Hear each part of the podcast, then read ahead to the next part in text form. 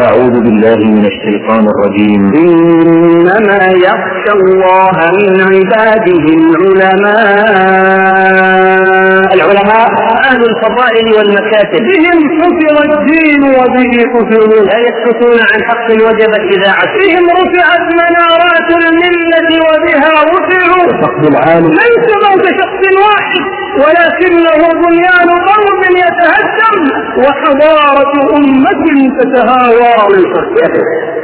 كل صحبته انتقل إلى رحمة الله تعالى مساء اليوم في جدة فضيلة الشيخ محمد بن صالح بن عثيمين إنك ميت وإنهم ميتون.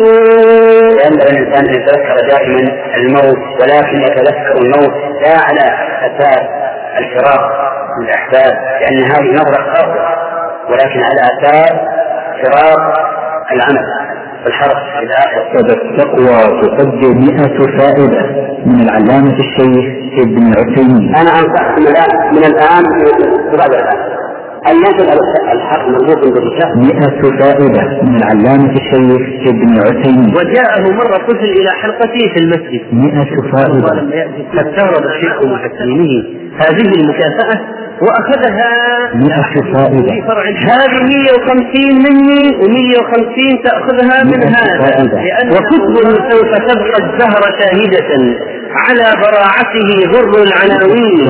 قول مفيد على التوحيد قيده أو زاد. وسألته عن إمام قرأ باللغة الإنجليزية الفاتحة. مئة فائدة. فهل التقوى تقدر مئة فائدة من العلامة الشيخ ابن عثيمين. الشيخ أحيانا فلأنه مجترأ عليه وربما لأجل هذا التأديب من العلامة الشيخ ابن عثيمين محاضرة لفضيلة الشيخ محمد صالح المنذر كل زمان أئمة يدعون من ضل إلى الهدى ويصبرون منهم على الأذى وينهون عن الردى ويحيون بكتاب الله أهل العمى ويدلونهم على التقى فكم من قتيل لإبليس قد أحيوه وكم من ضال تائه قد هدوه فما أحسن أثرهم على الناس وما أقبح أثر الناس عليهم ينفون عن دين الله تحريف الغالين وانتحال المبطلين وتأويل الجاهلين هم للناس كالنجوم في السماء يهتدى بهم في ظلمات الجهل والشبهات كما يهتدى بالنجوم في الظلمات الحالكات والطرق المهلكات ويحرسون الشريعة من سهام شياطين الإنس والجن الملبسين والمفسدين كما تحمي النجوم السماء من مسترقي السمع والمرض في الشياطين وهم فخر الشريعة وزينة الدين كما كانت النجوم زينة للسماء وأنسا للمسافرين. فهم مصابيح الدجى وأئمة الهدى وحجة الله في أرضه وورثة الأنبياء والقائمون على وحيه فهم غيظ الشيطان وركيزة الإيمان وقوام الأمة وهم الساهرون على حراسة الحق الناشرون له المعارضون للباطل المحاربون له المتحملون في هذا السبيل كل أذى ومشقة يصلحون ما فسد ويقومون مع وجه ويدعون إلى الطريق المستقيم طريق النجاة والسلامة غير هيابين ولا وجلين ولا يخافون في الله لومة لائم ولذلك شرفهم الله بقوله قل هل يستوي الذين يعلمون والذين لا يعلمون؟ لا يسكتون عن حق وجبت إذاعته. ولا يكتمون مما أنزل الله حكما شرعيا لأنهم آمنوا بقول الله تعالى إن الذين يكتمون ما أنزلنا من البينات والهدى من بعد ما بيناه للناس في الكتاب أولئك يلعنهم الله ويلعنهم اللاعنون. رفع الله مكانتهم وقرن شهادته بشهادتهم فقال سبحانه شهد الله أنه لا إله إلا هو والملائكة وأولو العلم قائما بالقسط لا إله إلا هو العزيز الحكيم. وهم أهل الفضائل والمكاتب الذين بين النبي صلى الله عليه وسلم فضلهم بقوله فضل العالم على العابد كفضل القمر ليلة البدر على سائر الكواكب. أيها الإخوة والأخوات إن الحديث عن العلماء لا يبعث الرهبة في النفس لأننا نتحدث عن من؟ عن ورثة الأنبياء. وإذا مات العالم العظيم انسلم في الإسلام ثم حتى يخلف الله غيره. وقد فجعنا وفجع المسلمون بوفاة أحد ورثة الأنبياء في هذا الزمان ممن نحسبه وهو الشيخ الفقيه الزاهد محمد بن صالح بن عثيمين رحمة الله عليه. ونحن نعلم أن الموت نهاية كل حي. ولذلك لا بد أن نعكف على علوم العلماء وأخبارهم لأن المقصود ليس إثارة الأحزان ولا تقليد المواجع والوجدان ولكن الاقتداء والاستفادة والتعلم من علومهم والتشبه بسيرتهم فتشبهوا إن لم تكونوا مثلهم إن التشبه بالكرام فلاح هذا الشيخ الذي ولد رحمه الله في السابع والعشرين من رمضان في عام 1347 للهجرة وأنفق نحو من خمسين سنة من حياته يعلم دين الله تعالى. كان حريصا على العلم منذ صغره فقد نبغ وحصل المتوسطة والثانوية والجامعة في أقل من ست سنين. وزامل الشيخ عبد الله البسام في الدراسة على الشيخ عبد الرحمن بن ناصر السعدي فكان يحفظان المتون معا ويفرض كل واحد منهم على الآخر ما حفظه من المتون. وحدثني الشيخ عبد الله البسام حدثني الشيخ عبد الله البسام أنه كان أنه كان يراجع القرآن مع الشيخ ابن عثيمين. يبدأ الأول بالختمة فيقرأ ثمنا ثم يقرأ الآخر الثمن الذي يليه. وهكذا حتى إذا انتهت الختمة بدأ ختمة جديدة لكن من بدأ أولا يبدأ ثانيا. وهكذا حتى يكون كل منهما قد قرأ القرآن كله وراجعه كله. وقد صبر الشيخ رحمه الله متعلما وصبر معلما. فأما عن صبره معلما فسيأتي. وأما صبره متعلما فلا بد أنه قد صابر نفسه كثيرا حتى وصل إلى ما وصل إليه. ومن ذلك أنه كان يلازم شيخه العلامة عبد الرحمن بن ناصر السعدي فأخذ عنه الكثير خلقا وعلما.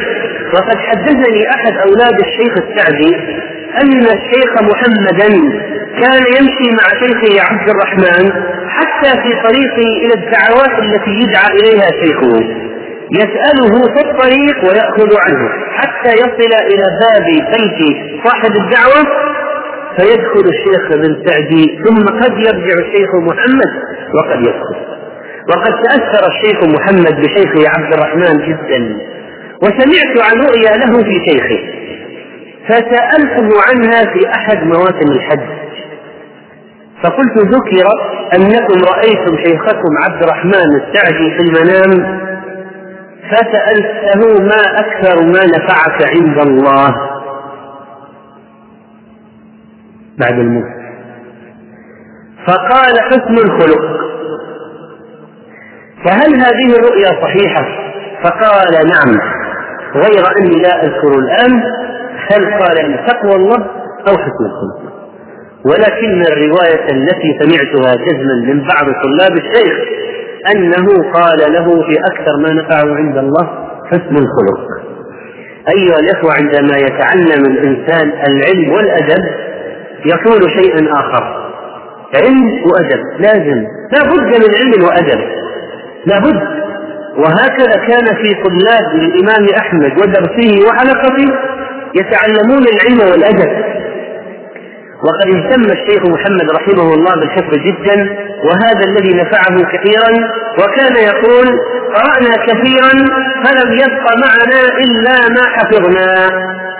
وكان يوصي بحفظ المتون والقواعد في الفنون المختلفة وفقه الشيخ الكتاب والسنة ولم يكن متعصبا لمذهب ولا أسيرا لعبارات معينة والأمر كما بين شيخه عبد العزيز بن باز رحمه الله بأنه ليس العالم الذي يحفظ مختصر خليل ومتن الخرقي ولكن العالم هو الفقيه بالكتاب والسنة.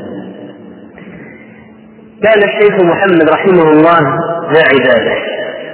ينام مبكرا بعد العشاء فإذا جاءت الساعة الثانية يستيقظ تلقائيا بغير منبه. ليقوم الليل ويعمل ما يعمل. وقال أحد من رافقه مرة في سفر فذهب مع الشيخ في دعوة فرجع متأخرين كالليل متعبين إلى إلى مسكنهما فوضع كل منهما رأسه الساعة الواحدة ليلا. واضطجع الشيخ. قال المرافق وأثناء الليل وأثناء النوم انتبه. قرابة الساعة الثالثة والثالثة والنصف. وكنا قد نمنا آه، قرابة الأحد والنصف. فحينما انتبهت انتبهت على صوت الشيخ وهو قائم يصلي. وفي هذا الوقت الذي كان هو في أمس حاجته إلى النوم والراحة كان رحمه الله قائما لله جل وعلا يصلي. وكان رحمه الله يداوم على العمل. فإذا عمل عملا لا يتركه امتثالا لقول النبي صلى الله عليه وسلم وحديثه في المداومة على العمل أحب العمل أدومه إلى الله قل فكان مثلا لا يترك ثلاثة أيام من كل شهر ولو سافر وانشغل قضاها بعد سفره ولما اعتاد الذهاب إلى بيت الله الحرام ومكة للتدريس استمر على هذه العادة ولم ينقطع حتى في السنة التي مات فيها وفي مرض الموت ذهب إلى هناك على عادته يعبد الله ويدرس دين الله. ولما رتب الدروس لطلاب العلم لم يكن ينقطع عن ذلك. ولم تتوقف الدروس إلا فيما ندر وهذا مما رغب طلبة العلم فيه فجاءوا إليه من أماكن بعيدة. بينما ترى أنت أحيانا اليوم عددا ممن يفتح دروسا سرعان ما يغلقها. فلا يصبر الذي يلقي ولا الذين معه وسرعان ما ينفرق العقد. وهذه قضية العلم أيها الإخوة لابد فيها من صبر ومصابرة.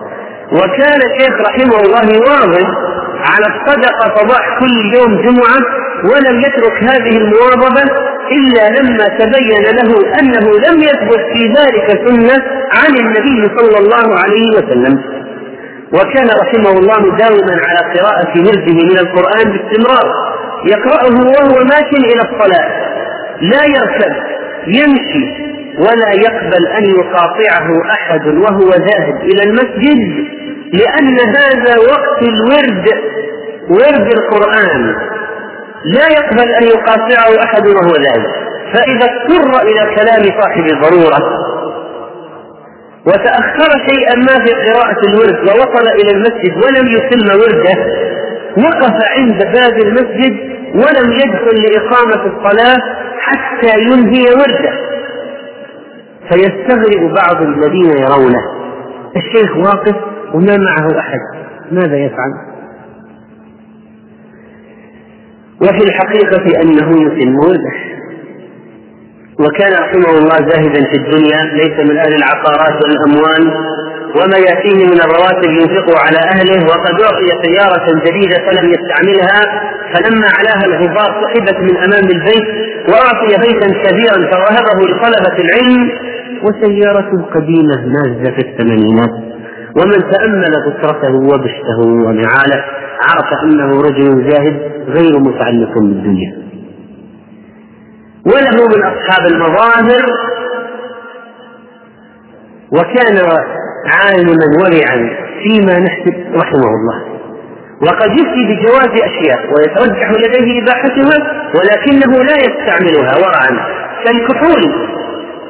فأخبر أنه لا يضع الطيب الذي فيه كحول ولكنه قال ولكني قد أستعمله في تعقيم الجروح ومن قصص ورعه أن الكلية قد كلفته مرة أن يضع منهجا لأحد المراحل وخففوا نصابه التدريسي لأجل ذلك ليكون عنده شيء من التفرغ لإتمام ذلك المنهج في الوقت المحدد.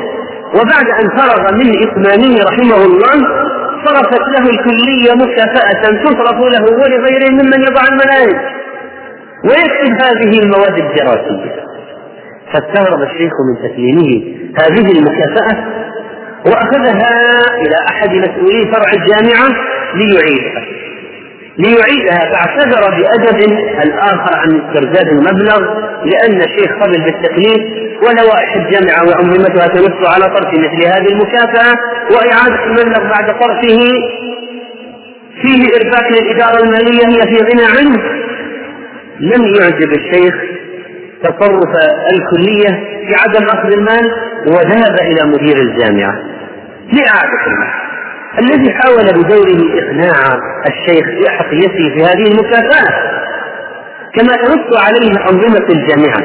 فرد الشيخ رحمه الله بأن الكلية حينما كلفته بالتأليف خففت عنه نصاب التدريس وأنه استفاد من هذا التخفيف في التأليف وهذا مقابل هذا. فلماذا إذا يعطى شيئا إضافيا وأنه لا يستحق فاقترح عليه مدير الجامعة أن يتصدق بالمبلغ ولكن حتى هذا الاقتراح لم يقبله وصار أصر على إرجاع المبلغ وبعد ذلك تتصرف فيه الجامعة.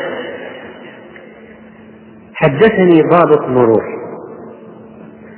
قال وهذه القصة حصلت معنا. وإذا أردت أن تذكرها فاذكرها. خرج الشيخ مرة مع شخص بسيارته بسيارة هذا الشخص يقودها من عنيزة إلى بريدة في مهمة في مشروع خير فأسرع السائق المرافق للشيخ. وكان في الطريق نقطة تفتيش على السرعة الزائدة فأوقفوا السيارة. لإعطاء المخالفة.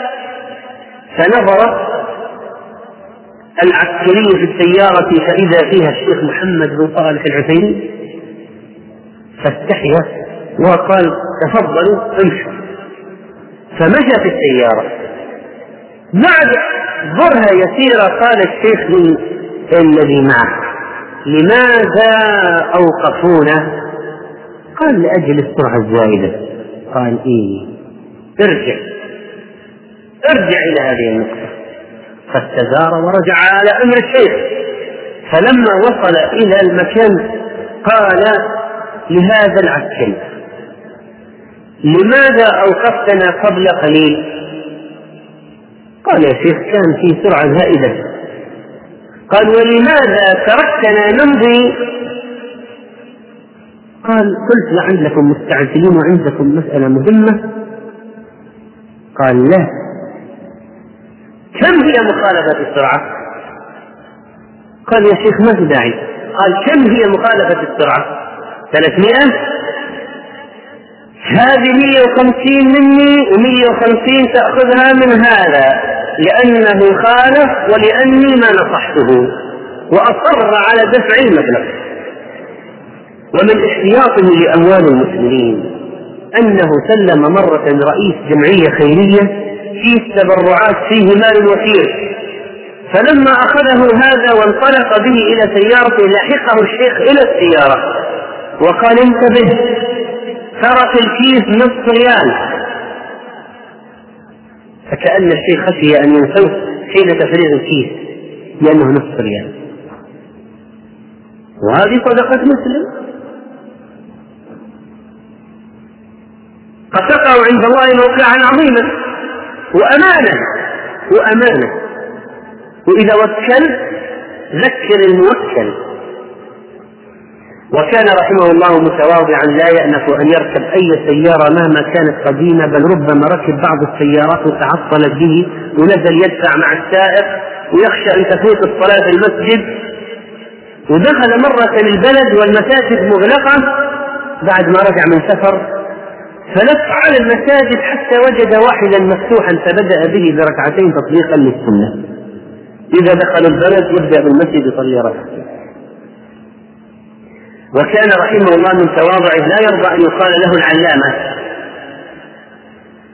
وإذا سجل أحد حفاظه ذلك في الشريف قال امسح امسح من الشريف. وقلت له مرة يا شيخ هذه المسائل التي سألتك إياها سنجمعها في كتاب. مسائل العلامة الشيخ محمد بن قال لا نريد علامة ولا غيره وفي أحد اللقاءات الشهرية قال له أحد الحاضرين يا شيخ إني قد اغتبتك فاجعلني في حلمي فقال من أنا حتى لا أغتاب وأنت في حلمي وكان يقلب الفراشين الذين كانوا يخدمون في المسجد ويتحدث معهم. واستأذن بعض الشباب بقراءة أبيات من الشعر نظمها في مدح الشيخ رحمه الله. فكان الشيخ يقاطعه مرارا معترضا على مدحه وطلب تغيير تلك الكلمات وكلما سمع مدحا اعترض وقاطع وأوقف الطالب حتى قال الطالب لا يصلح هذا يا شيخ إما أن أقرأ ما كتبت وأتوقف فقال شيخ توقف أحب إلي. ولم يرضى رحمه الله بهذا المديح والقصة تسمعها في الشريف فتتأثر من هذا أو القصة ملخصها على النحو التالي. قال الطالب بين يدي الشيخ ثم بعد الشيخ نعم. يا أمتي إن هذا الليل يحفظه فجر وأنواره في الأرض تنتشر والخير مرتقب والفتح منتظر والحق رغم جهود الشر منتصر وبصحوة بارك الباري مسيرتها نقية ما بها ثوب ولا كدر ما دام فينا ابن صالح ما دام فينا ابن صالح شيخ صحوتنا بمثله مرتدى التأييد والظفر؟ أنا لا أوافق على هذا لا. لا أوافق. لأني لا أريد أن يربط الحق بالأشخاص.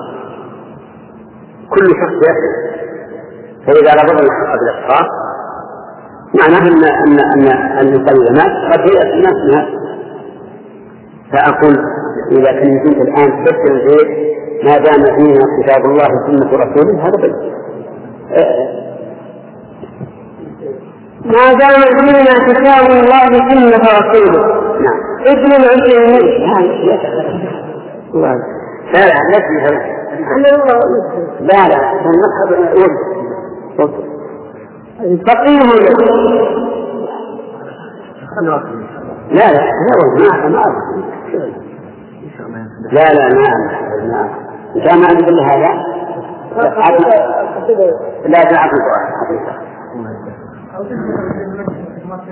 نعم.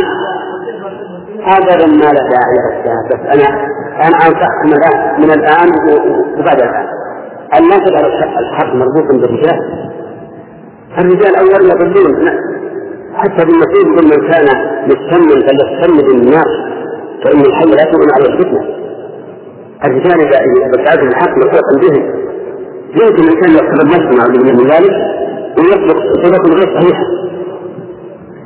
ولذلك أنا أنصحكم الآن أن لا تجعلوا الحق مقيدا بالرجال. الرجل اولا ما يأمن يستعمل الله ويكتب واياكم ما يأمن الزلل والفتنه وثانيا انه يتامل ما هو الذي يبقى كما جعلنا ببشر من قبلك الخلق أفإن متهم الخالدين وثالثا من ضمن هذه البشر ربما يغفره بعض الناس يعني يكسبونه ويكرمونه ويخف الخلع ربما يغفر ويظن أنه معصوم. ويبدا مثل الاسم وان كل شيء خلق وهو حق. وكل طريق يسلكه فهو مشروع.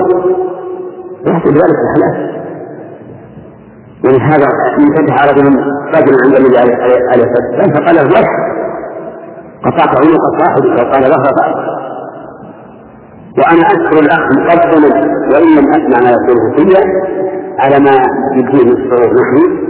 وأسأل الله أن يجعلني عند حسن ظنها وأكثر ولكن ما وأما عن صبر الشيخ في التعليم فقد صبر عالما ومعلما.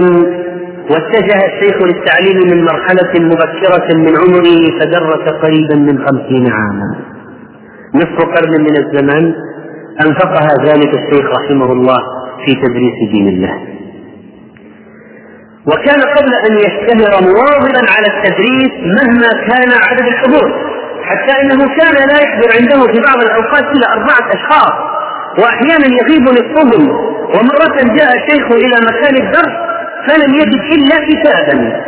وضعه أحد الطلاب في مكان الحلقة وانصرف لشيء. فلما رأى الشيخ ذلك الدرس كله لا يوجد إلا كتاب.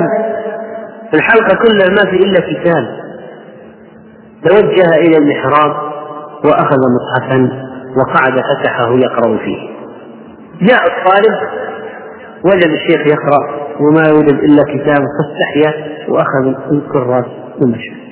وظل الشيخ مصابرا حتى فتح الله عليه فصار يجلس في حلقته نحو من خمسمائة طالب وفي درسه في الحرم ومحاضرات خارجية أضعاف هؤلاء وصبر على الإفتاء في شتى المجالات ورتب الدروس والمحاضرات وكان له رعاية لطلابه وكان يكلف بعضهم بمراجعة الأحاديث أو تحرير بعض المسائل وينظر في ذلك كله. ويتابعه بل كان يجعل بعضهم يدرس بعض المبتدئين.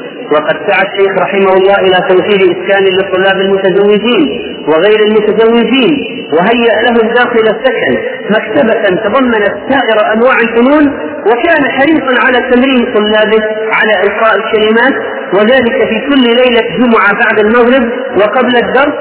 وكان حريصا على طلابه فإذا مرض أحدهم وأدخل المستشفى زاره فيه إن استطاع. وإذا صار الطالب المريض في مسكنه زاره في غرفته في العمارة المخصصة إن كان من العزاب. وفي شقته في العمارة عمارة المتأهلين إذا كان متزوجا وكان يتفقد طلابه ويعينهم وخصوصا بالشفاعات. وكم دخل من طلاب الجامعة بسببه وعولج أشخاص بسببه وقضيت حاجات بتدخله وشفاعته. وقد قال النبي صلى الله عليه وسلم اشفعوا تؤجروا. رواه البخاري. وفي فصل الشتاء كان يعطي الطلاب طلاب السكن اوراقا بمبالغ مالية محولة على محلات معينة ليشتروا بها ملابس شتوية لأنفسهم ولأولادهم. وكان يتابع تلاميذته أثناء الدرس حتى لا يسرد من أحدهم فتضيع عليه الفائدة وفي مرة رأى بعض تلامذته غير حاضر الذهن في الدرس فأوقف وقال هل أنت فاهم لما قلتم؟ فقال الطالب إن شاء الله فقال الشيخ هل على رأسك شماغ؟ فقال الطالب نعم فقال الشيخ لما لم تقل إن شاء الله؟ لكن لما كنت غير فاهم بالدرس قلت إن شاء الله والشماغ جزمت به وكان له مع طلابه رحلة في كل ثلاثة أشهر يؤنسهم فيها ويقيم مسابقات لهم بنفسه ويخرج معهم إلى بعض المزارع المشتملة على أماكن للسباحة وقد يلاطفهم فيأمرهم أن يغطسوا هذا ويرموا هذا في الماء وينتقي البديل. ولما أعرض أحدهم عن شك في قدرة الشيخ على السباحة أثبت له ذلك عمليا. وسابق الشيخ بعض طلابه على الأقدام. وكان رحمه الله عالما مؤدبا لا يأذن لمن رفع يده الشمال في الدرس أن يجيب ويأمر من دخل المجلس أن يصافح الأكبر سنا ثم من عن يمينه. ودخل المسجد رجل ومعه ولده المميز والولد لابس حذاء في قدميه في المسجد. فأراد الولد أن يسلم على الشيخ فرفض الشيخ. حتى يخرج الولد فيخلع نعاله خارج المسجد ثم يأتي فيسلم إذا أراد. ففعل الولد وخرج وخلع نعاله ثم جاء وسلم على الشيخ فرد عليه السلام فخاف الأب أن الولد قد نفر من المسجد أو من الشيخ فراقبه قال فصار ولدي بعدها لا يمكن أن يدخل المسجد لحذائه. وربما يشتد الشيخ أحيانا على بعض على بعض السائلين تأديبا لهم لمخالفتهم للأدب معه. وما ترى من شدة في الشيخ أحيانا فلأنه مجترأ عليه. وربما لأجل هذا التأديب يشتد أحيانا. وكان للشيخ رحمه الله أدوار عالمية تمثلت في عدة جوانب. ومنها إلقاء الدروس الشهرية الشهرية وغيرها عبر الهاتف لبعض المراكز الإسلامية في أقطار الأرض واتصاله بالأوضاع المأساوية التي حدثت في بلاد المسلمين وأرسل بعض طلابه للتدريس والدعوة في الخارج وشارك في إرسال الكتب والأشرطة ومراسلة المستفين من الخارج الكتابات المدونة بخط يده وهكذا. ومن دقته وعدله رحمه الله أنه كان صادق الوعد. محافظا على وقته. وإذا قلت أن الشيخ يمر الساعة الرابعة إلا خمس دقائق مثلا بالمكان الفلاني وهو ذاهب إلى المسجد فإنك تجده يمر بذلك المكان في ذلك الوقت بالضبط. يمشي كالساعة وإذا أعطى موعدا التزم به على كثرة مواعيده وأشغاله. وقد جربت ذلك معه في موعدين في الأسبوع على هاتفه الخاص خصصت للرد على أسئلة المستفتين عبر الإنترنت. فكان يلتزم بالإجابة ويخبر بالتأجيل إذا حصل لظرف سفر ونحوه وكان في طريقه من المسجد إلى البيت راجعا إذا بدأ أول طالب في القراءة عليه تصبح له الأحقية في الوقت. فإذا تدخل سائل بسؤال استأذن الشيخ من القائلين قائلا هل تأذن لي أن أجيبه؟ وكان متحريا للدقة والعدل. ومن أمثلة ذلك التصحيح وتقدير الدرجات في الاختبارات حتى لربما أعطى طالبا درجة واحدة من 45 بل وواحد من 80 فيراجع في ذلك فيقول لا أستطيع أن أزيده فأظلم غيره ولا أن أوقفه فأظلمه. وكان قائما بالأمر بالمعروف والنهي عن المنكر على ما يستطيع. وإذا رأى أناسا لا يصلون في الطريق يلعبون أمرهم بالصلاة. وفي إحدى المرات كان الشيخ قد أدى العمرة مع جمع من تلامذته وسكنوا جميعا في مسجد واحد وفي أثناء رجوعهم من المسجد الحرام إلى المسكن مر الشيخ رحمه الله على مجموعة من الشباب الله يلعبون كرة القدم. فوقف الشيخ ينبههم وينصحهم ويوجههم للصلاة. فقابلوا الشيخ ببعض اللامبالاة والاستهزاء فطلب الشيخ ممن معه أن يذهبوا إلى المسكن وبقي وحده مع أولئك الشباب.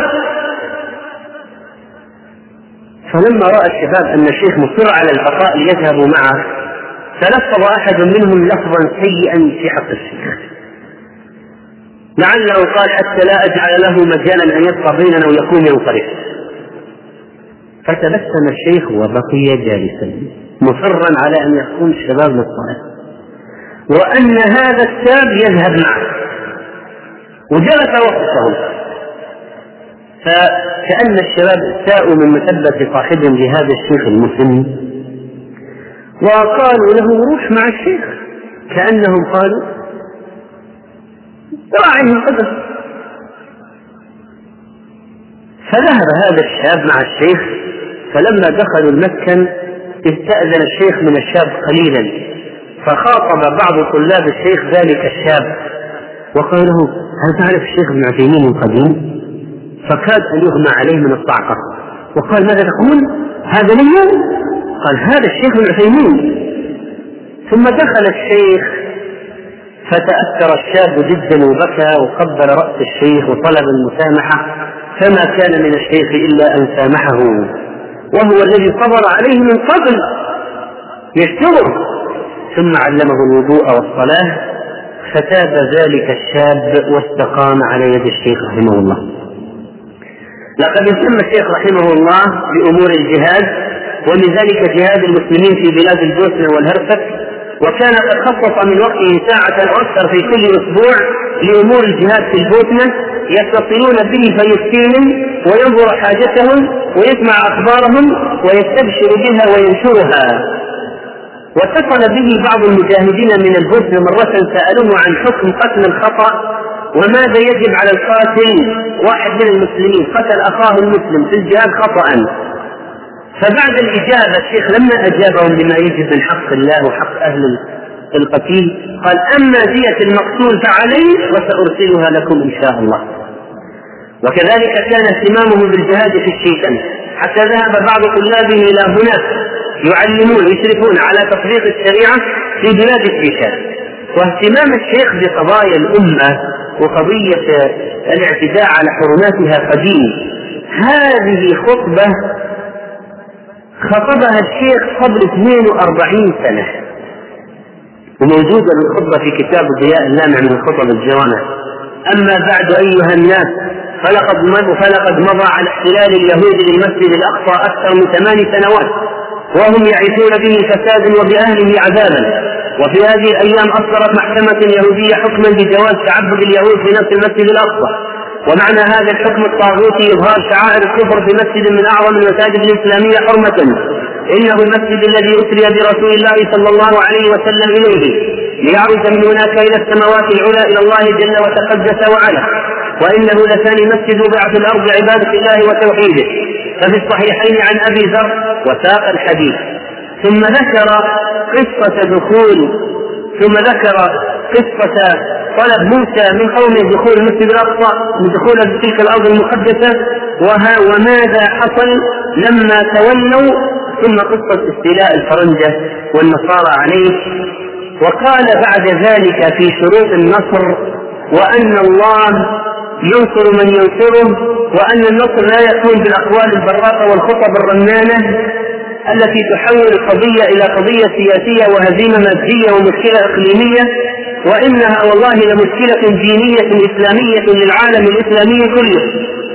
إن نصر الله عز وجل لا يكون إلا بالإخلاص له والتمسك بدينه ظاهرا وباطنا والاستعانة به وإعداد القوة المعنوية والحسية بكل ما نستطيع. ثم القتال لتكون كلمة الله العليا وتطهر بيوته من رجس أعدائه أما أن نحاول فرد أعدائنا من بلادنا ثم نكفلهم قلوبنا بالميل إلى منحرف أفكارهم منحرف أفكارهم والتلطخ بسافل أخلاقهم. أما أن نحاول فردهم من بلادنا ثم يلاحقهم رجال مستقبل أمتنا يتجرعون أو يستمرئون صديد أفكارهم ثم يرجعون يتقيؤونه بيننا. أما أن نحاول فردهم من بلادنا ثم نستقبل ما يرد منهم من أفلام فاتنة وصحف مضلة إلى آخر كلامه المؤثر رحمه الله تعالى في قضية المسجد الأقصى. وكان الشيخ رحمه الله نشيطا. فكان يذهب إلى المسجد على قدميه والمسافة تقريبا كيلو ذاهبا وراجعا كيلو ومقدار الزمن ربع ساعة بالمشي تقريبا وأحيانا يذهب حافيا بدون نعال. وقد ثبت في السنة الاحتفاء أحيانا. وإذا كان هناك مطر أخذ معه مظلة وقال لي الشيخ عبد الله بن جبريل مرة هذا الرجل يمشي عشرة كيلو متر يوميا من بيته إلى المسجد ذاهبا وراجعا. وكان ذلك بعد أن عاد أخاه في الله محمد بن عثيمين في القصيم. وقد رأيت الشيخ محمدا مرة في المسعى فمشيت معه أسأله وحوله بعض الشباب فلما وصلنا العلم الأخضر جرى وجرينا فسبقنا كلنا وكان الشيخ سبعين تقريبا. وكان مكرما للضيف. لزم على أحد طلبة العلم أن يبيت عنده. قال يا شيخ أنا مشغول وعندي ارتباطات وحاول يعتذر فشمر الشيخ ممازحا. قال يعني بالقوة تبيت عندي. فوافق قال لكن عندي يا شيخ موعد الليلة. في بريده سارجع متأخر. قال ولو. فرجع هذا الساعة الثانية عشرة ليلا قال أتي بيت الشيخ محمد وأطرق عليه الباب طرقة واحدة لأنني وعدته ولا بد أن آتي على الموعد فإن فتح ولا مشيت. قال فذهبت وصلت بيت الشيخ الساعة الثانية عشرة ليلا فطرقت طرقة واحدة. فما كنت الطرقة تنتهي إلا والشيخ يفتح الباب. وأدخله وقال هذا الفراش والماء والساعة المنبه عدة أصحاب الحديث في القرن العشرين. الفراش والماء والساعة المنبه وكان رحمه الله لطيفا يناقش الصغار وكان في طريقه بين البيت والمسجد مدرسة ابتدائية فإذا مر بها وقت خروج الطلاب سلم عليهم ولطفهم ومزحهم فجاءهم مرة طفل يقول يا شيخ أجب لي على أسئلة هذه المسابقة. فقال أجيب لكن إذا فزت تعطيني نصف الجائزة وجاءه مرة طفل إلى حلقته في المسجد. شوف سبحان الله لما يكون العلماء مأوى حتى الأطفال. وجاءه مرة طفل إلى حلقته في المسجد وجعل يختلط الطلبة ويتخطى اللقاء الطلاب يستغربون هذا الطفل الذي يتجه إلى الشيخ وقت الدرس. الجاد حتى وصل الطفل إلى الشيخ وقام على رأسه. قال له ببراءة الأطفال أعطيني ريال جديد فلم يتردد الشيخ في إعطائه ريالا وبكل سرور ولعلها كانت ملحة وترويحا للطلاب. وكان الشيخ رحمه الله ذا فكاهة وكان النبي صلى الله عليه وسلم يمزح ولا يقول إلا حقا ولا يكاد يخلو درس للشيخ المدروس العامة من مثل هذه المفاكهة والممازحة. فكان الشيخ يتكلم مرة في درس عن عيوب النساء في أبواب النكاح فسأله سائل وقال إذا تزوجت ثم وجدت زوجتي ليس لها أسنان فهل هذا عيب يبيح لي طلب الفسخ؟ فضحك الشيخ وقال هذه امرأة جيدة حتى لا تعضك. وسأله سائل قال شخص كبير في السن ولا يستطيع الصوم كبير ولا يستطيع الصوم ويطعم عن كل يوم مسكينا. وفي يوم من أيام رمضان أراد أن يأتي أهله. شايف فهل يجوز؟ فضحك الشيخ وقال اولا أخبرني هل زوجته عجوز مسلم أم لا؟ جاء مرة رجل مسلم أعجمي من أهل باكستان يريد أن يسأل الشيخ ويناديه يا شيخ يا شيخ!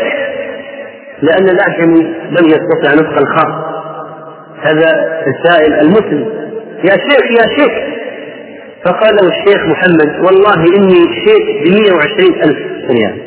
وهي الدية مقدار الدية.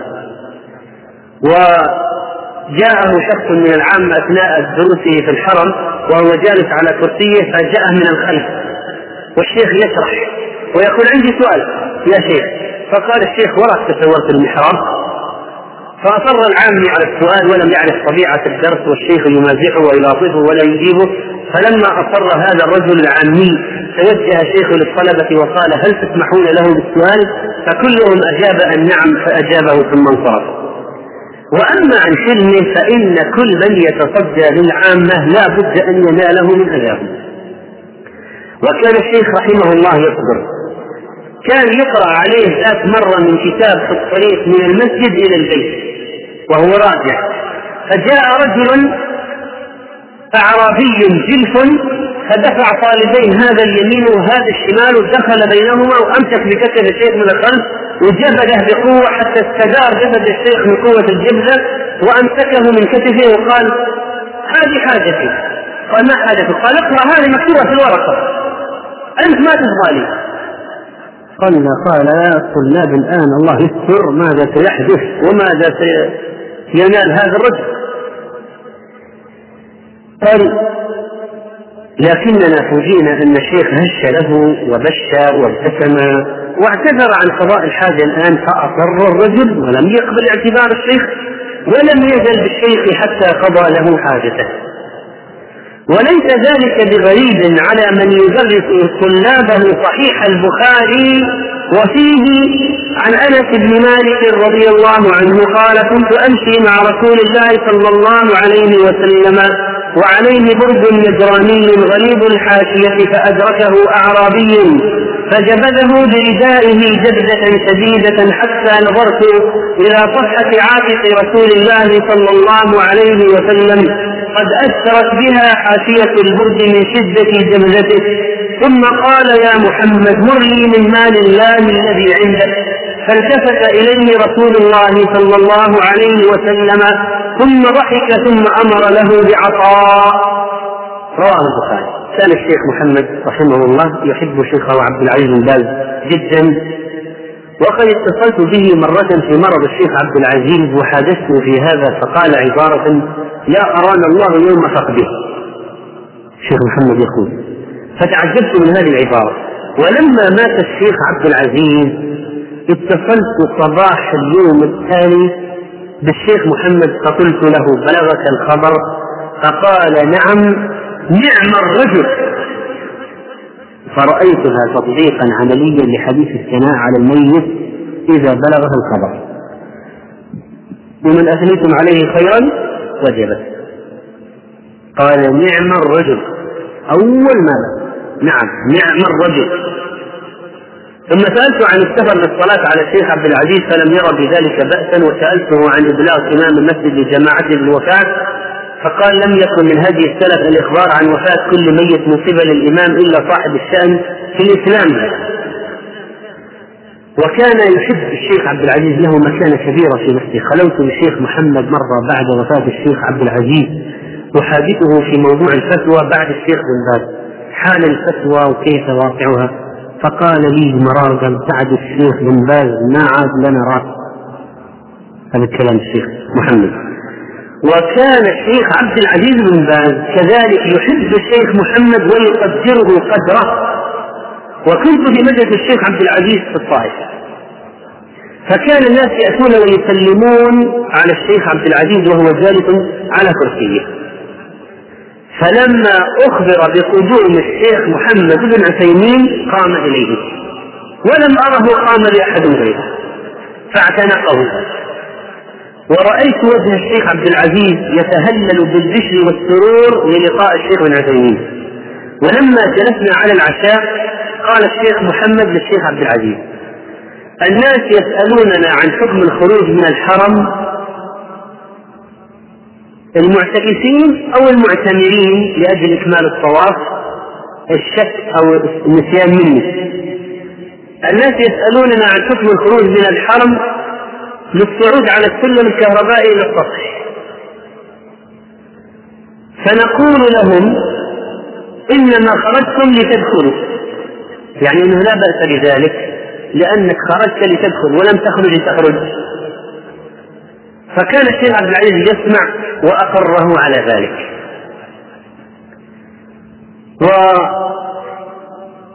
واستمر الشيخ رحمه الله في هذا العطاء العظيم حتى حل به المرض. أما قصة مرض الشيخ رحمه الله فقد سمعته منه وخلوت به مرة بعد مرضه. فقال لي لما أحسست بالألم ظننته باتورا وكنت قد عملت عملية بواسير في الماضي فظننتها مثله. فلما زاد الألم راجعت المستشفى وكنت أريد أن أكشف على عيني أيضا لأنني اشتكيت منه. فأجروا لي التحاليل وأخبروني أني مصاب بالسرطان. والشيخ يسميه المرض الخطير ويرفض أن يسميه المرض الخبيث. ويقول ليس في أفعال الله خبيثا. سألته بعد فترة بالهاتف عن الألم. فقال يأتي ويذهب إلا في موضع المرض الأصلي الذي انتشر منه فإنه مستمر. يعني تأمل الآن الشيخ. الآن جاء شهور طويلة. ألم مستمر وألم إضافي يأتي يذهب وهو يدرس ويفتي ويعبد الله ويمارس عمله. رحمه الله تعالى. ولعل البعض قد لاحظ أن الشيخ أثناء فترة المرض كان يرفع صوته. صوت مرتفع فكأنه يتجلد ويظهر للناس أنه بخير ولما كان يعطى المسكنات لأن المرض لما عرف أنه انتشر ما عاد ينفع معه علاج والأطباء رفعوا أيديهم. وكان ذهاب الشيخ السفر العلاج تأكيدا لتقرير الأطباء أن المرض انتشر فهو رجع معروف أنه ليس هناك علاج ينفع في تقدير الأطباء. فما في إلا مسكنات فكان الشيخ رحمه الله يكره المسكنات كما قال لي أحد الأطباء الذين يعالجونه لأنها تنومه وتعيق عن قيام الليل والتدريس. و كان له أمنية. حدث بها أحد المشايخ فقال أنا أريد أن أموت وأنا قريب من الكعبة أنشر العلم. أنا أريد أن أموت وأنا قريب من الكعبة أنشر العلم. وكان الشيخ يرى نشر العلم أعظم القربات من أعظم القربات عند الله ولهذا اشتغل به. ولعل هذا الكلام أخذ من حديث النبي صلى الله عليه وسلم إذا أراد الله عز وجل بعبد خيرا عسله. قيل وما عسله؟ قال يفتح الله عز وجل له عملا صالحا قبل موته ثم يقبضه عليه. رواه الإمام أحمد.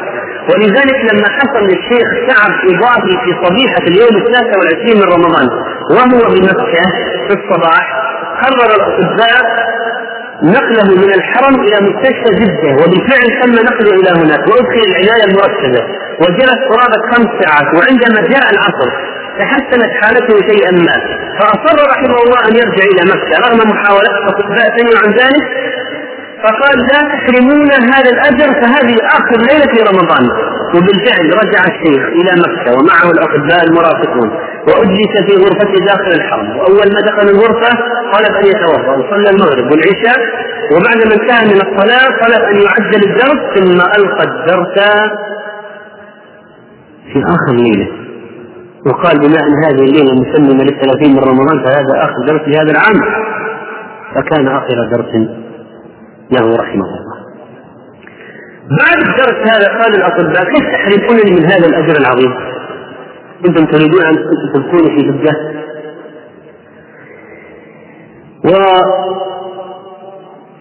ولما جلست مع الشيخ رحمه الله في هذا في المرض قلت له مسليا قلت له مسليا يا شيخ محمد إن عشت فهو إن شاء الله خير لنا بهذه الفتاوى والدروس وتنفع به الأمة. وإن رحلت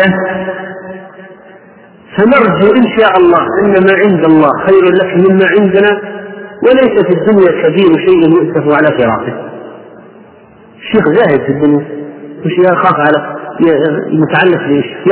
يأسف على إيش؟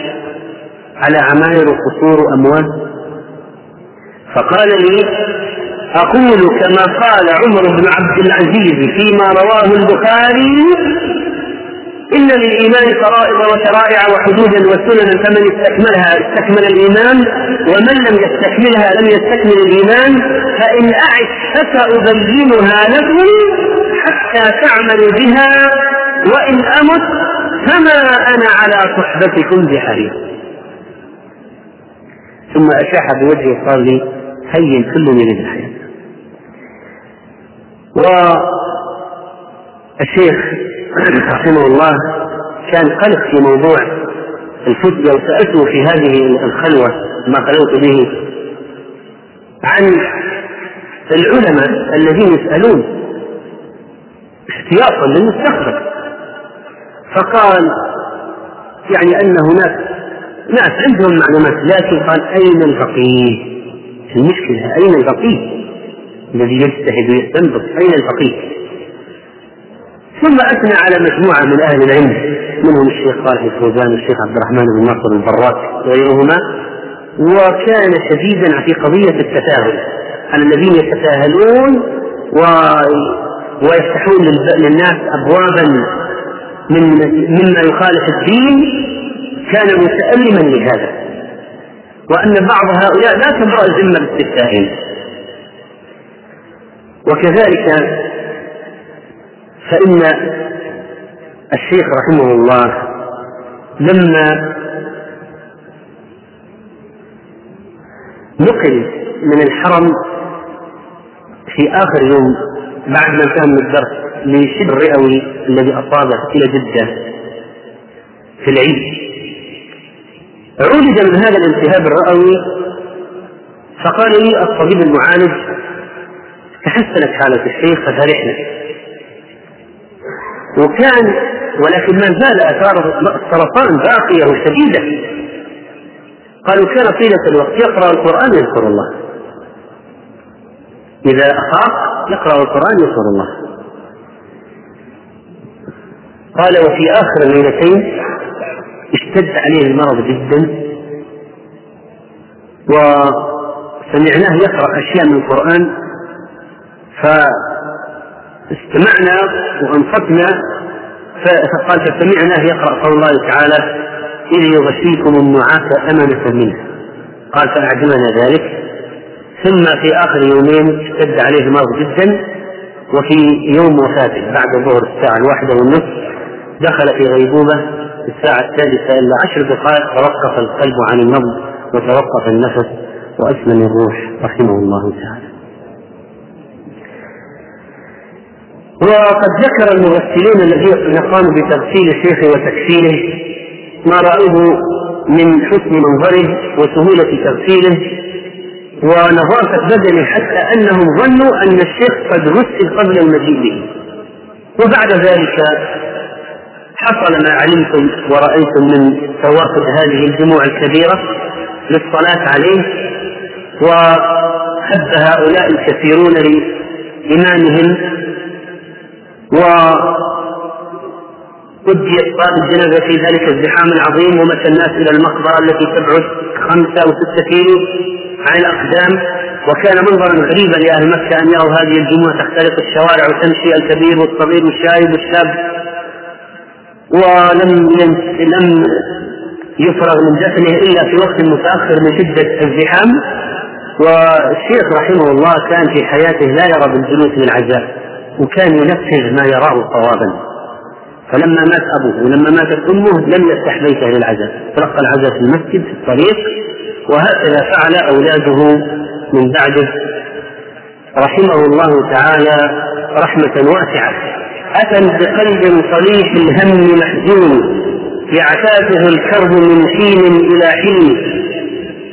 قد رق حتى غدا من فرط رقته يكاد يوقفه نبض الشرايين وأسعفته دموع سح ساجمها كأنه الغيث يهمي في البساتين تقرحت مقلتي من حزنها أسفا لفاجع ظل بالزهياء يرميه فأكتب الشعر دمعا ساخنا وزنا لعله من أسى مر يسليني أضحى بياني عليا من فصاحته حتى غدا عاقلا من وقت تبييني غداة قيل طوى السيد المنون لنا ثوب الحياة عن الشيخ العثيمين. تبكي الفصيل وطلاب وجامعة ومسجد في عنيزة جد محزون. تبكي المنابر والقاعات من حزن وسوف تنزه شتى الميادين. وكتبه سوف تبقى الدهر شاهدة على براعته غر العناوين. قول مفيد على التوحيد قيده أو زاد مستقنع في الفقه والدين عقد ثمين يزين الجيد رونقه. تلقفه أيدي أيادينا بتكميل والله نسأله للشيخ مغفرة ورحمة يوم نشر الدواوين. لشاعر مسلم كتبها من خطر. لقد ترك الشيخ رحمه الله علما واسعا وبلغت أشرطته في التسجيلات قرابة 300 3000 أو 83 شريطا وهناك فتاوى مكتوبة عند الناس وأشرطة أخرى عند طلابه القدامى والمسجلة في قاعات الدراسة في فصول الدراسة في الكلية ومجلدات كثيرة في الشروح وسنأتي على ذكر شيء من منهجه وبعض فتاويه ومسائله بعد الأذان إن شاء الله. لقد جاء الشيخ رحمه الله إلى ربه وبقيت هذه الشريفة العظيمة من العلوم التي خلفها وكتب الله لفتاواه القبول ولعلمه الانتشار في مشارق الأرض ومغاربها. وإذا كان قد قيل سابقا عالم المدينة ملأ الدنيا علما فإن علم عنوزة في هذا الوقت مات وقد ملأ الدنيا علما.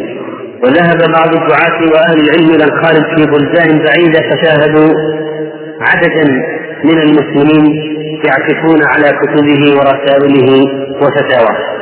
وقد كتب بعض الأفاضل في منهج الشيخ رحمه الله وهذه من القضايا المهمة. لقد أعتنى الشيخ رحمه الله في البداية بشرح كتب المذهب الحمداني فزاد المستقنع والكافي وقواعد ابن رجب وغير ذلك وكان يوصي بزاد المستقنع. لكنه في الوقت نفسه يعظم الدليل ويحرم متابعة المذهب فيما خالفه فيما خالف الدليل ويشدد كثيرا على وجوب اتباع الدليل وهذه كتبه ومحاضراته ودروسه وفتاويه مشحونة لتقرير ذلك. عندما يقول العبادات لا تتم إلا بالإخلاص لله تعالى والمتابعة للنبي صلى الله عليه وسلم. والمتابعة لا تتحقق إذا كانت إلا إذا كانت موافقة للشرع في ستة أمور السبب والجنس والقدر والكيفية والزمان والمكان. فلا تقبل العبادة إلا إذا كانت صفتها موافقة لما جاء عن النبي صلى الله عليه وسلم. ولهذا فقد خالف الشيخ المذهب في مئات المسائل التي يرى أن الدليل فيها بخلاف المذهب. كمسألة الطلاق بالثلاث ومسألة مدة الفصل في الصلاة في السفر ومسألة نقض غسل الميت نقض غسل الميت للوضوء وغير ذلك. وكذلك فقد عني في كتب الحديث فشرح صحيح البخاري وصحيح مسلم وكتب الأحكام المبنية على الأحاديث كبلوغ المرام وعنده في الأحكام وقد تأثر الشيخ رحمه الله بمؤثرات اربعه اولا طلبه للعلم على العلامة الفقيه عبد الرحمن السعدي وهو من جهابذه الفقهاء الذي كانت له عناية خاصة بالتأصيل والتقعيد وألف في أصول الفقه والقواعد الفقهية وأصول التفسير وجمع كتابا حافلا بالقواعد والضوابط والأصول من كتب شيخ الإسلام ابن تيمية وتلميذه ابن القيم فيه نحو 1016 قاعدة وضابطا وأصلا وهو المسمى ب طريق الوصول إلى العلم المأمون بمعرفة القواعد والضوابط والأصول وكذلك يقول عن شيخه إنني تأثرت به كثيرا في طريقة التدريس وعرض العلم وتقريبه للطلبة بالامثله والمعاني. وثانيا طلبه للعلم على الشيخ العلامة المحدث عبد العزيز بن باز رحمه الله فقد استفاد منه العناية بالحديث كما قال الشيخ محمد عن نفسه تأثرت بالشيخ ابن باز من جهة العناية بالحديث. وثالثا عنايته بكتب الإمامين شيخ الإسلام ابن تيمية وتلميذه ابن القيم رحمهما الله فقد شرح الطلبة الحموية والتدمرية والواسطية والاقتضاء والسياسة الشرعية وشرح النونية لابن القيم ومختارات نساء المعاد وأعلام الموقعين وغير ذلك. وقد تأثر بهما تأثرا عظيما جدا بابن القيم وابن تيمية رحمهما الله تعالى. وكذلك فقد اهتم بجانب أصول الفقه وتعمق فيه وهو الجانب المؤثر الرابع وبالقواعد الفقهية واشتغاله بنظم الورقات والقواعد والأصول ومختصر التحرير والمنظومة في أصول الفقه وقواعد ابن رجب والعناية التامة بذلك. ثم باللغة العربية التي برع فيها وأعرب ألفية بن مالك إعرابا سريعا في جلسة واحدة. وله دروس في اللغة العربية في شرح الرومية وألفية بن مالك وكان إذا لحن القارئ طلب منه إعراب ما لحن فيه. فاعتناؤه بأصول الفقه وبالنحو قد أفاده جدا في الفقه وفي التفسير. ولذلك فإن دروس التفسير لدى الشيخ مميزة جدا. لقد كان للشيخ رحمه الله مميزات. فمنها الشمولية العلمية في هذه الموسوعات التي تجدها له في شتى مجالات في شتى مجالات العلم الشرعي.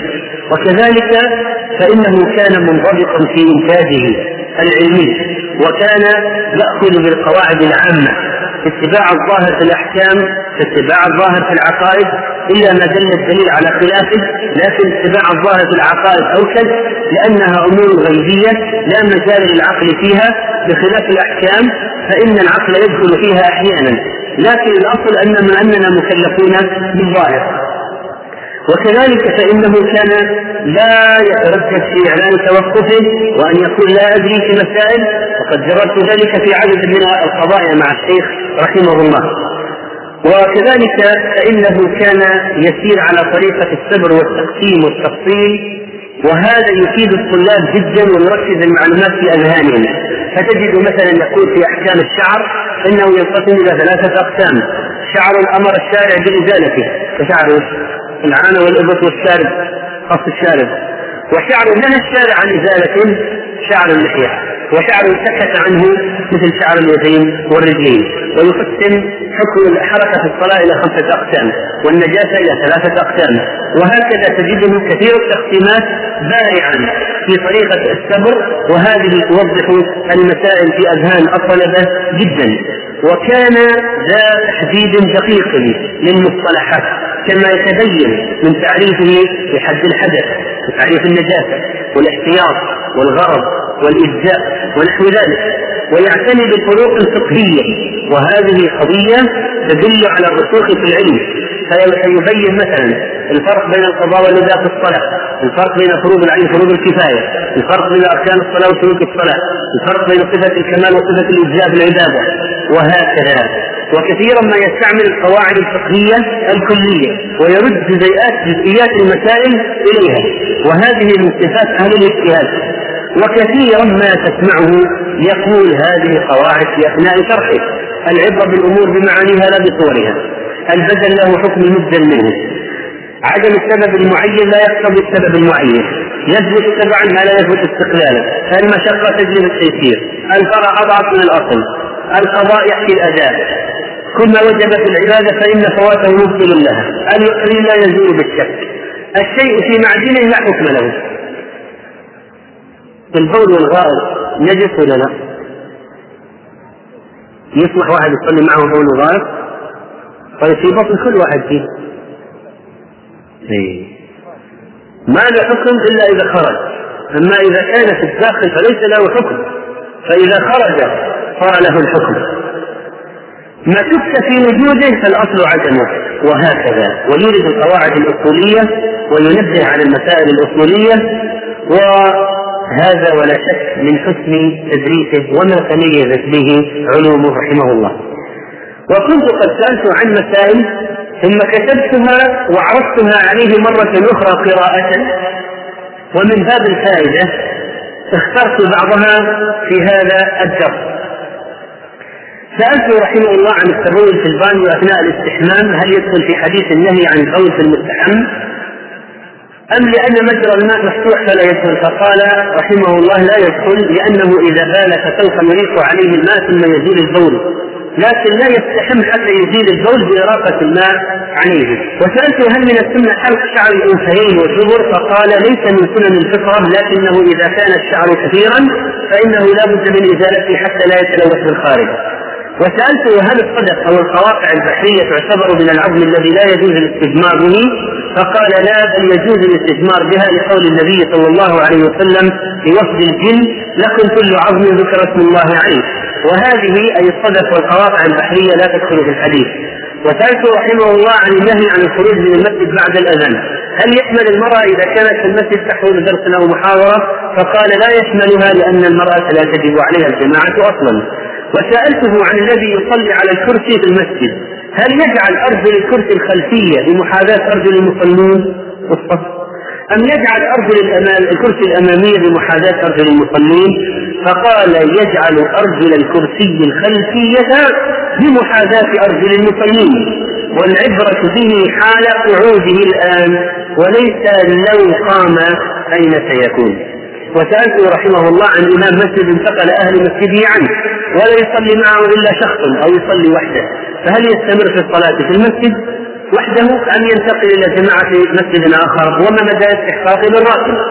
فقال أرى أن يبقى إذا كان معه مأموم ولو واحد فإذا لم يكن معه أحد ذهب إلى مسجد آخر يصلي فيه مع الجماعة. أما بالنسبة للراتب فلا بد أن يبلغ المسؤولين بذلك.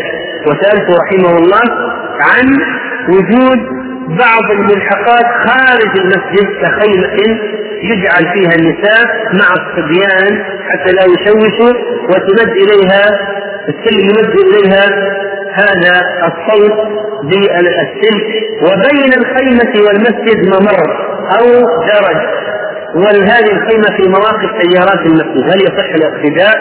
فقال فقال رحمه الله لا تجوز الصلاة خارج المسجد إلا بالضرورة وهذه ليست بضرورة لأن المرأة لا يجب عليها حضور الجماعة فليست في ضرورة إلى ذلك وصلاتها في بيتها أفضل لها من صلاتها في المسجد. متى يصح الاقتداء يا إخوان؟ إذا كان واحد داخل المسجد يسمع يسمع تكبيرات الإمام.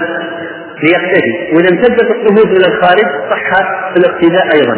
لكن بينه وبين المسجد طريق بينه وبين المسجد ممر وما في ضرورا فعند ذلك لا يقتدي بالإمام وكذلك سألته عن مأموم حضره البول أو الريح بشدة وهو في التشهد الأخير. هل تصح صلاته إذا سلم قبل الإمام بعد التحيات والصلاة الإبراهيمية والركن والواجب؟ فقال نعم تصح لأنه معذور. وسألته عن إمام قرأ باللغة الإنجليزية الفاتحة يعني معانيها. فهل صلاة من وراءه باطلة؟ وهذه من أسئلة الإنترنت. فقال تكون صلاتهم باطلة لكن إذا دخلوا معه قبل أن يعلموا أنه يقرأها باللغة الإنجليزية نووا الانفراد عنه وأكملوا صلاتهم على ما سبق. أما بالنسبة للإمام فيلزمه أن يتعلم الفاتحة باللغة العربية فإن لم يمكنه سقط عنه وجوبها إلى بدلها من الأذكار المعروفة عند أهل العلم. سبحان الله والحمد لله.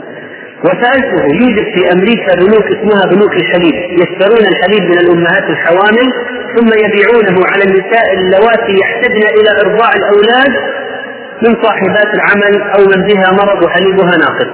فما حكم شراء الحليب من تلك البنوك فقال حرام ولا يجوز أن يوضع بنك على هذا الوجه ما دام أنه حليب آدميات لأن الأمهات ستختلف ولا يدري من أمه بالرضاعة والشريعة الإسلامية يحرم فيها بالرضاعة ما يحرم من اللبن أما إذا كان اللبن من غير الآدميات فلا بأس.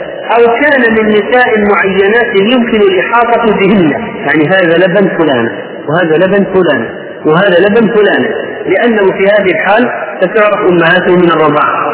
وسألته في عن بعض الحالات المرضية وخصوصا النادرة التي يريد بعض الأطباء تصوير المريض أو جزء من جسده كالصدر والظهر والرجلين لينفع هذا في تدريس المادة للطلاب طلاب الطب أو تعرض في بعض المؤتمرات الطبية للفائدة فقال إذا كان بعلم المريض وفيها مصلحة للجمهور فلا بأس بذلك.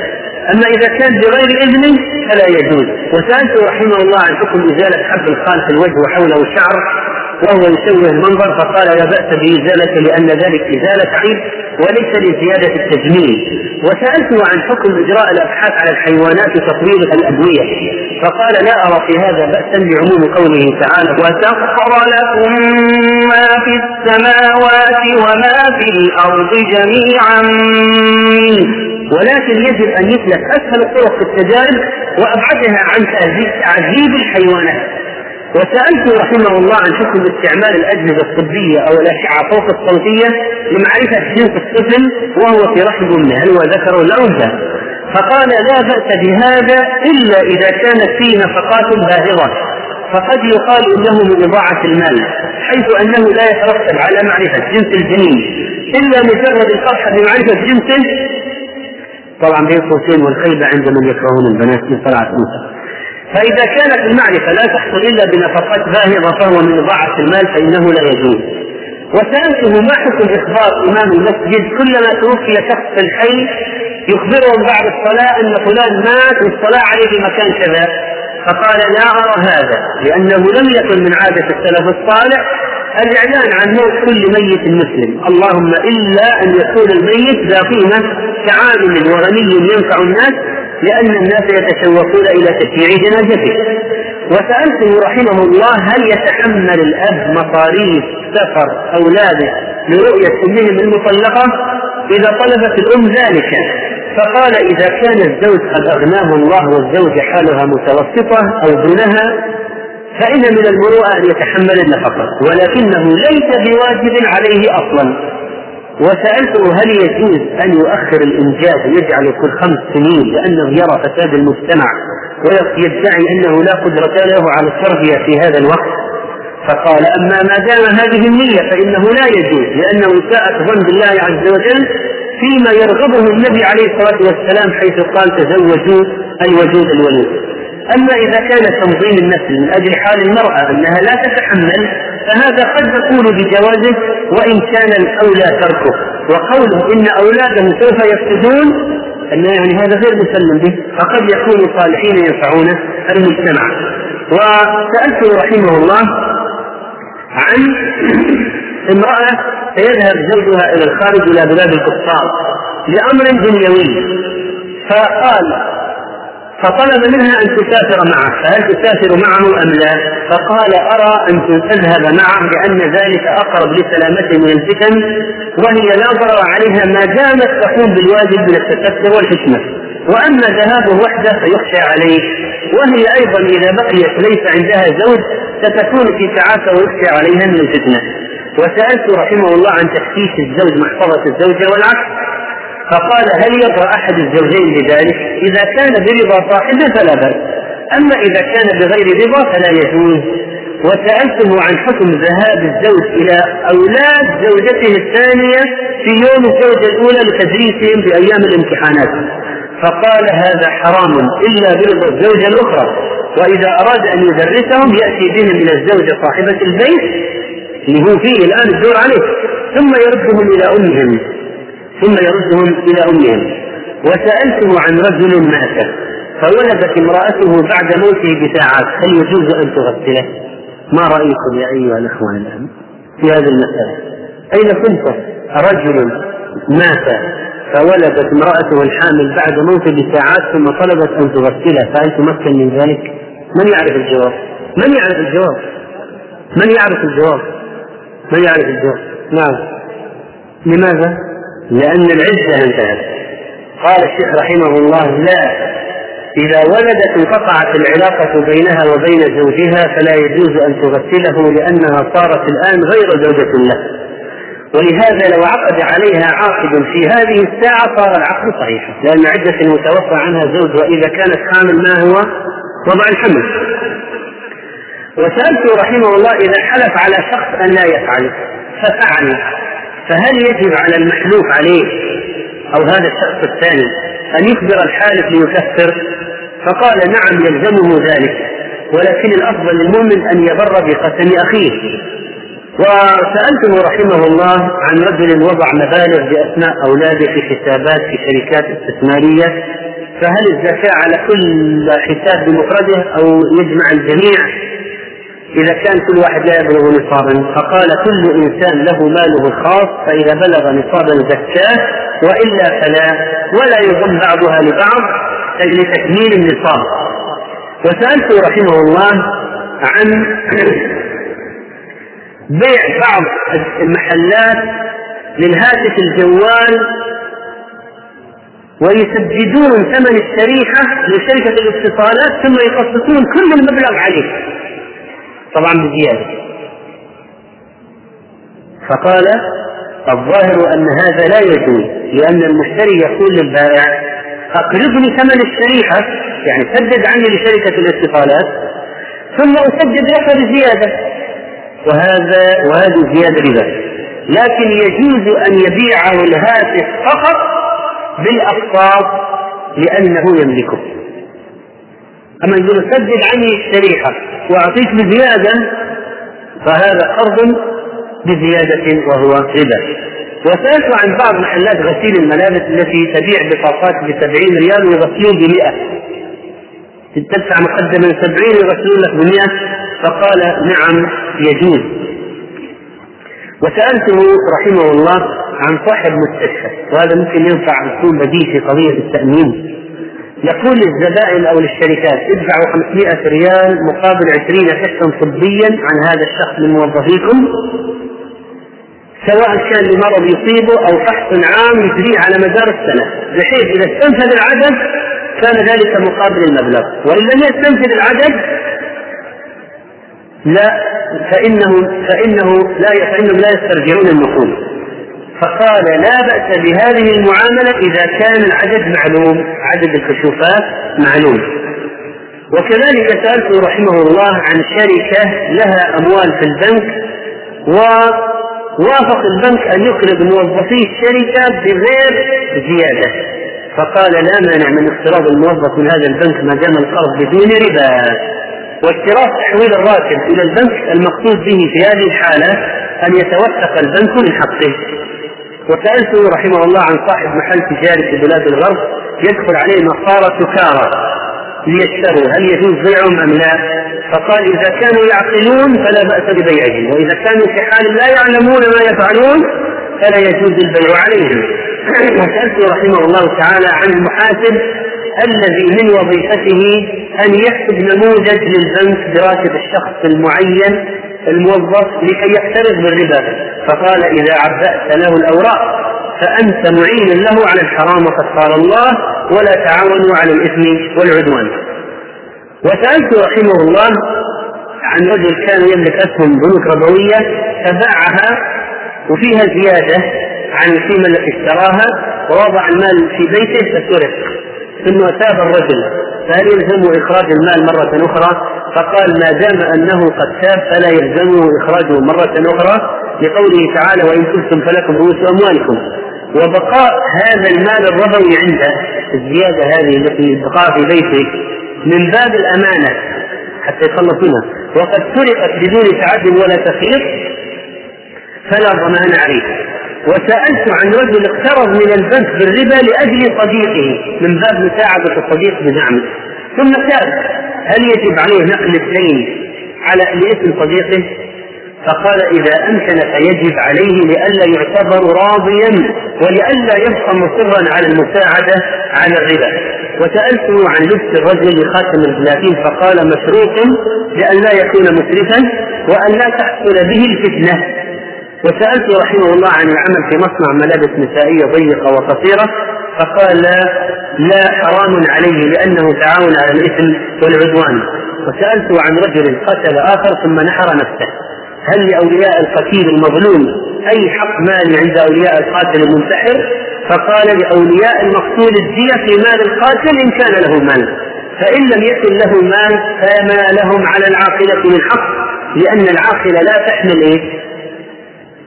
دية العمد أحسن وسألته رحمه الله عن حكم نسخ برامج الكمبيوتر فقال يتبع فيها ما جرى به العرف اللهم إلا شخص يريد أن ينسخها لنفسه ولم ينص الذي كتبها أولا على منع النسخ الخاص والعام فأرجو أن لا يكون به بأس والاحتياط والاستئذان أما إذا نص الشخص الذي كتبها أولا على منع الخاص والعام فلا يجوز مطلقا.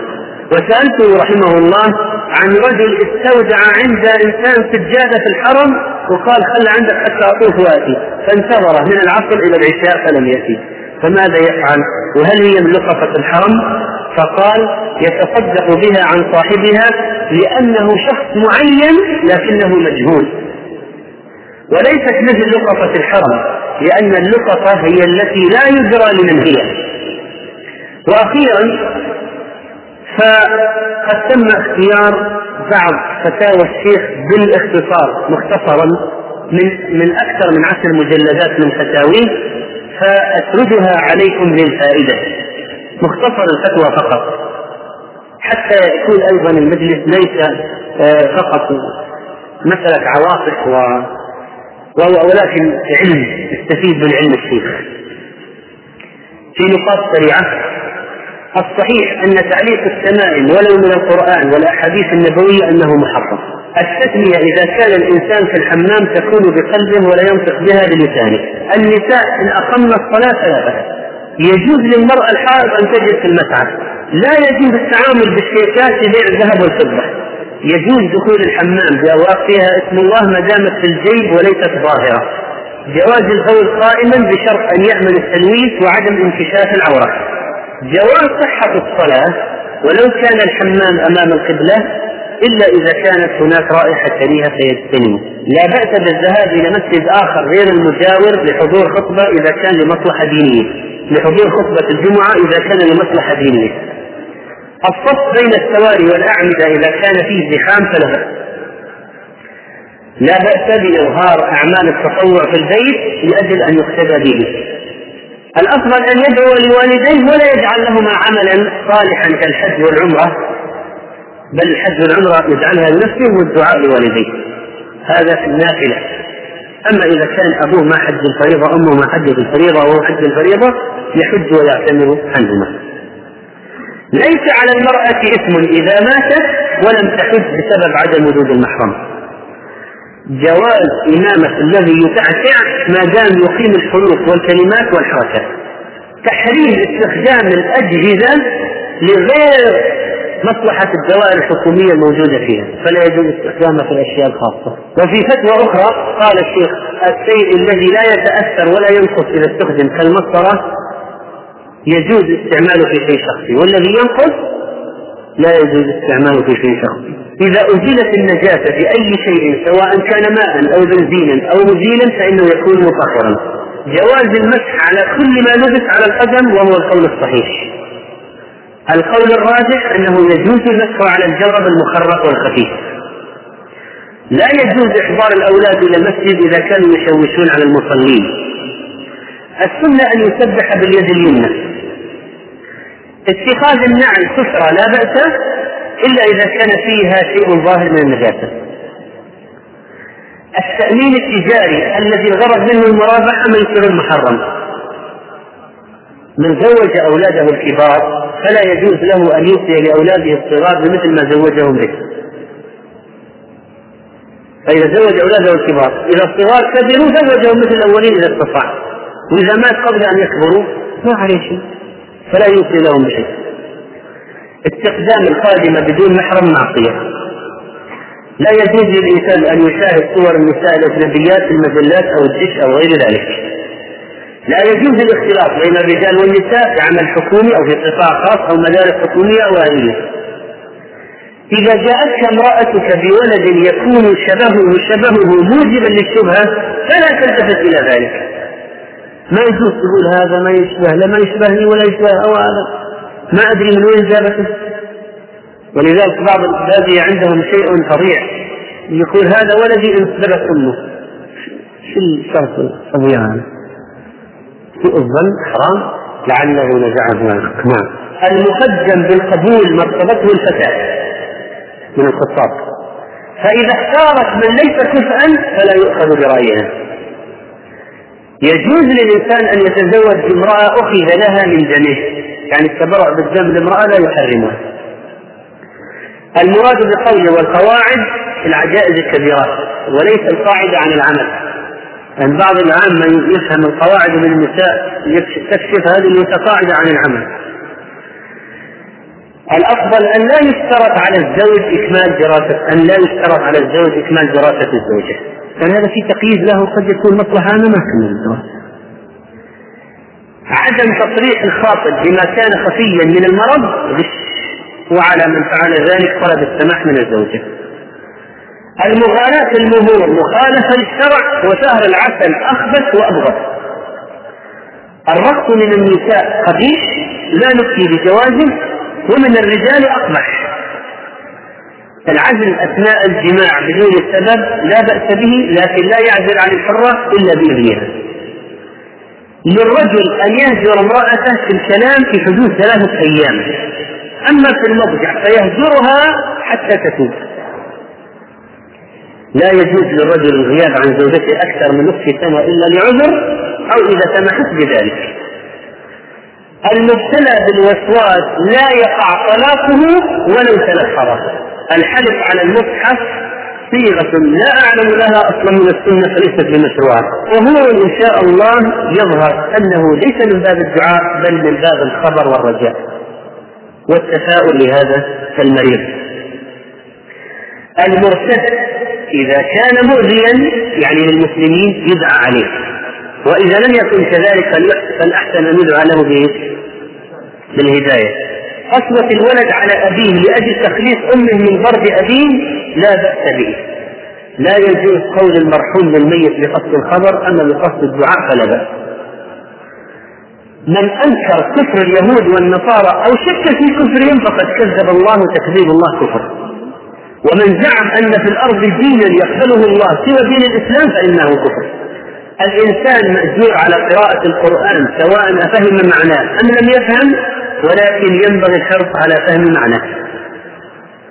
ترجمة ألفاظ القرآن لا لا تنفي وإنما تجوز ترجمة معانيه للحاجة. الأشرطة التي تتضمن شيئا من الأحاديث أو الآيات إذا رماها الإنسان أو دخل بها مكان قضاء الحاجة بشرط أن لا يقصد إهانتها فإنه ليس في ذلك بأس. فإذا شريط القرآن ليس له حكم المصحف يجب على الشباب ستر أفخاذهم ولا يجوز مشاهدة اللاعبين الكاشفين أفخاذهم. لا حرج من قطع الغريزة الجنسية عند القطط إذا كانت كثيرة ومؤذية. لا أرى مانعا أن يقول الإنسان مبروك وضع لفظ الجلالة وبجانبه اسم الرسول صلى الله عليه وسلم لا يجوز. تعليق لوحة عليها اسم النبي صلى الله عليه وسلم تبركا غير جائز. تأجير المحلات لمن يستعملها في الحرام حرام. إذا دخل الإنسان المسجد والمؤذن لا يزال يؤذن الأفضل أن يجيب المؤذن ثم يدعو بعد ذلك بما ورد ثم يدخل في تحية المسجد. إذا قرأ المأموم آية فيها سجدة لا يسجد لأن متابعة الإمام واجبة وسجود التلاوة سنة. أسباب توقف العالم عن الفتوى يكون لتعارض الأدلة عنده وقد يكون لظنه أن هذا المستفتي متلاعب. طيب هذا كان سؤال عن هل صام الشيخ رحمه الله رمضان الماضي؟ لم يتمكن الشيخ رحمه الله من صيام رمضان الماضي لمرض وقد عذره الله سبحانه وتعالى عذر المريض. ونسأله عز وجل أن يرفع درجته ويعظم أثر الله لفضيلة الشيخ محمد المنجد على ما قدم وجعله في ميزان حسناته. مستمعين الكرام إيفاء من تسهيلات التقوى الإسلامية بالرياض بحق الشيخ عليها خاصة وهو من أوائل من آزرها في انطلاقتها التطويرية الأولى وشرفها بالسماح بتسجيل دروسه العلمية في القصيم منذ عام 1404 للهجرة وحتى وفاته. يسرها أن تقدم لكم مجموعة من الأشرطة تحت عنوان الإمام ابن عثيمين بعد الوفاة والتي حاولنا فيها أن نجلي جوانب هامة من حياة هذا الإمام الجهبل من خلال التركيز على خمسة محاور. هي أولا جوانب السنية عند ابن عثيمين. ثانيا ابن عثيمين كمرجعية علمية. ثالثا سر قبول الناس له ومحبته. رابعا جوانب القدوة لدى ابن عثيمين. خامسا وماذا بعد موته. وذلك في لقاءات مباشرة وهاتفية مع عدد من العلماء والدعاة وبعض أقارب الشيخ والمقربين منه وطلبته. وكذا مقتطفات من بعض ما كتب عنه في الصحف والمجلات نثرا وشعرا وما سجل من محاضرات وخطب بعد وفاته والتي أخرجناها في أشرطة منها الشريط الأول الإمام ابن عثيمين لمجموعة من العلماء والدعاة. الشريط الثاني الإمام ابن عثيمين لبعض أقرباء الشيخ. الشريط الثالث الإمام ابن عثيمين. بعض ما كتب بعد وفاته من مقالات وقصائد. الشريط الرابع الإمام ابن عثيمين لبعض طلبته. الشريط الخامس الإمام ابن عثيمين. قصص ومواقف من حياته. الشريط السادس مئة فائدة من حياة العلامة الشيخ ابن عثيمين لفضيلة الشيخ محمد صالح المنجد الشريط السابع الإمام ابن عثيمين أسرار النجاح لفضيلة الشيخ الدكتور ناصر الزهراني. الشريط الثامن قصائد في رثاء الشيخ أداء الأخ صالح الخيم ثم أشرطة أخرى تحوي خطبا للمشايخ عبد العزيز سبحان ومحمد المجد وعبد المحسن القاضي. كما نميز بمقابلتين الأولى أجريناها مع الشيخ قبل السنوات ضمن سلسلة على طريق الدعوة والتي حوت معالم من سيرته الذاتية والعلمية والدعوية وبيان آرائه في كثير من القضايا المطروحة. والثانية أجراها الأستاذ محمد المشوح وأوديعت في إذاعة القرآن الكريم وبهما نأمل أن يكتمل العقد نسأل الله أن ينفع بتلك الأشرطة وأن يجعلها مفيدة للمستمع الكريم وأن يوفق الجميع للمساهمة في نشر علم الإمام ابن عثيمين في جميع أقطاع المعمورة. وأتقبل تحيات سبب التقوى وتسجيلات التقوى الإسلامية بالرياض والسلام عليكم ورحمة الله وبركاته. بموجب شهرة تسجيلات التقوى فإن رقم هذا الشريط هو اثنا عشر ألفا وسبعمائة وثمانية وأربعون.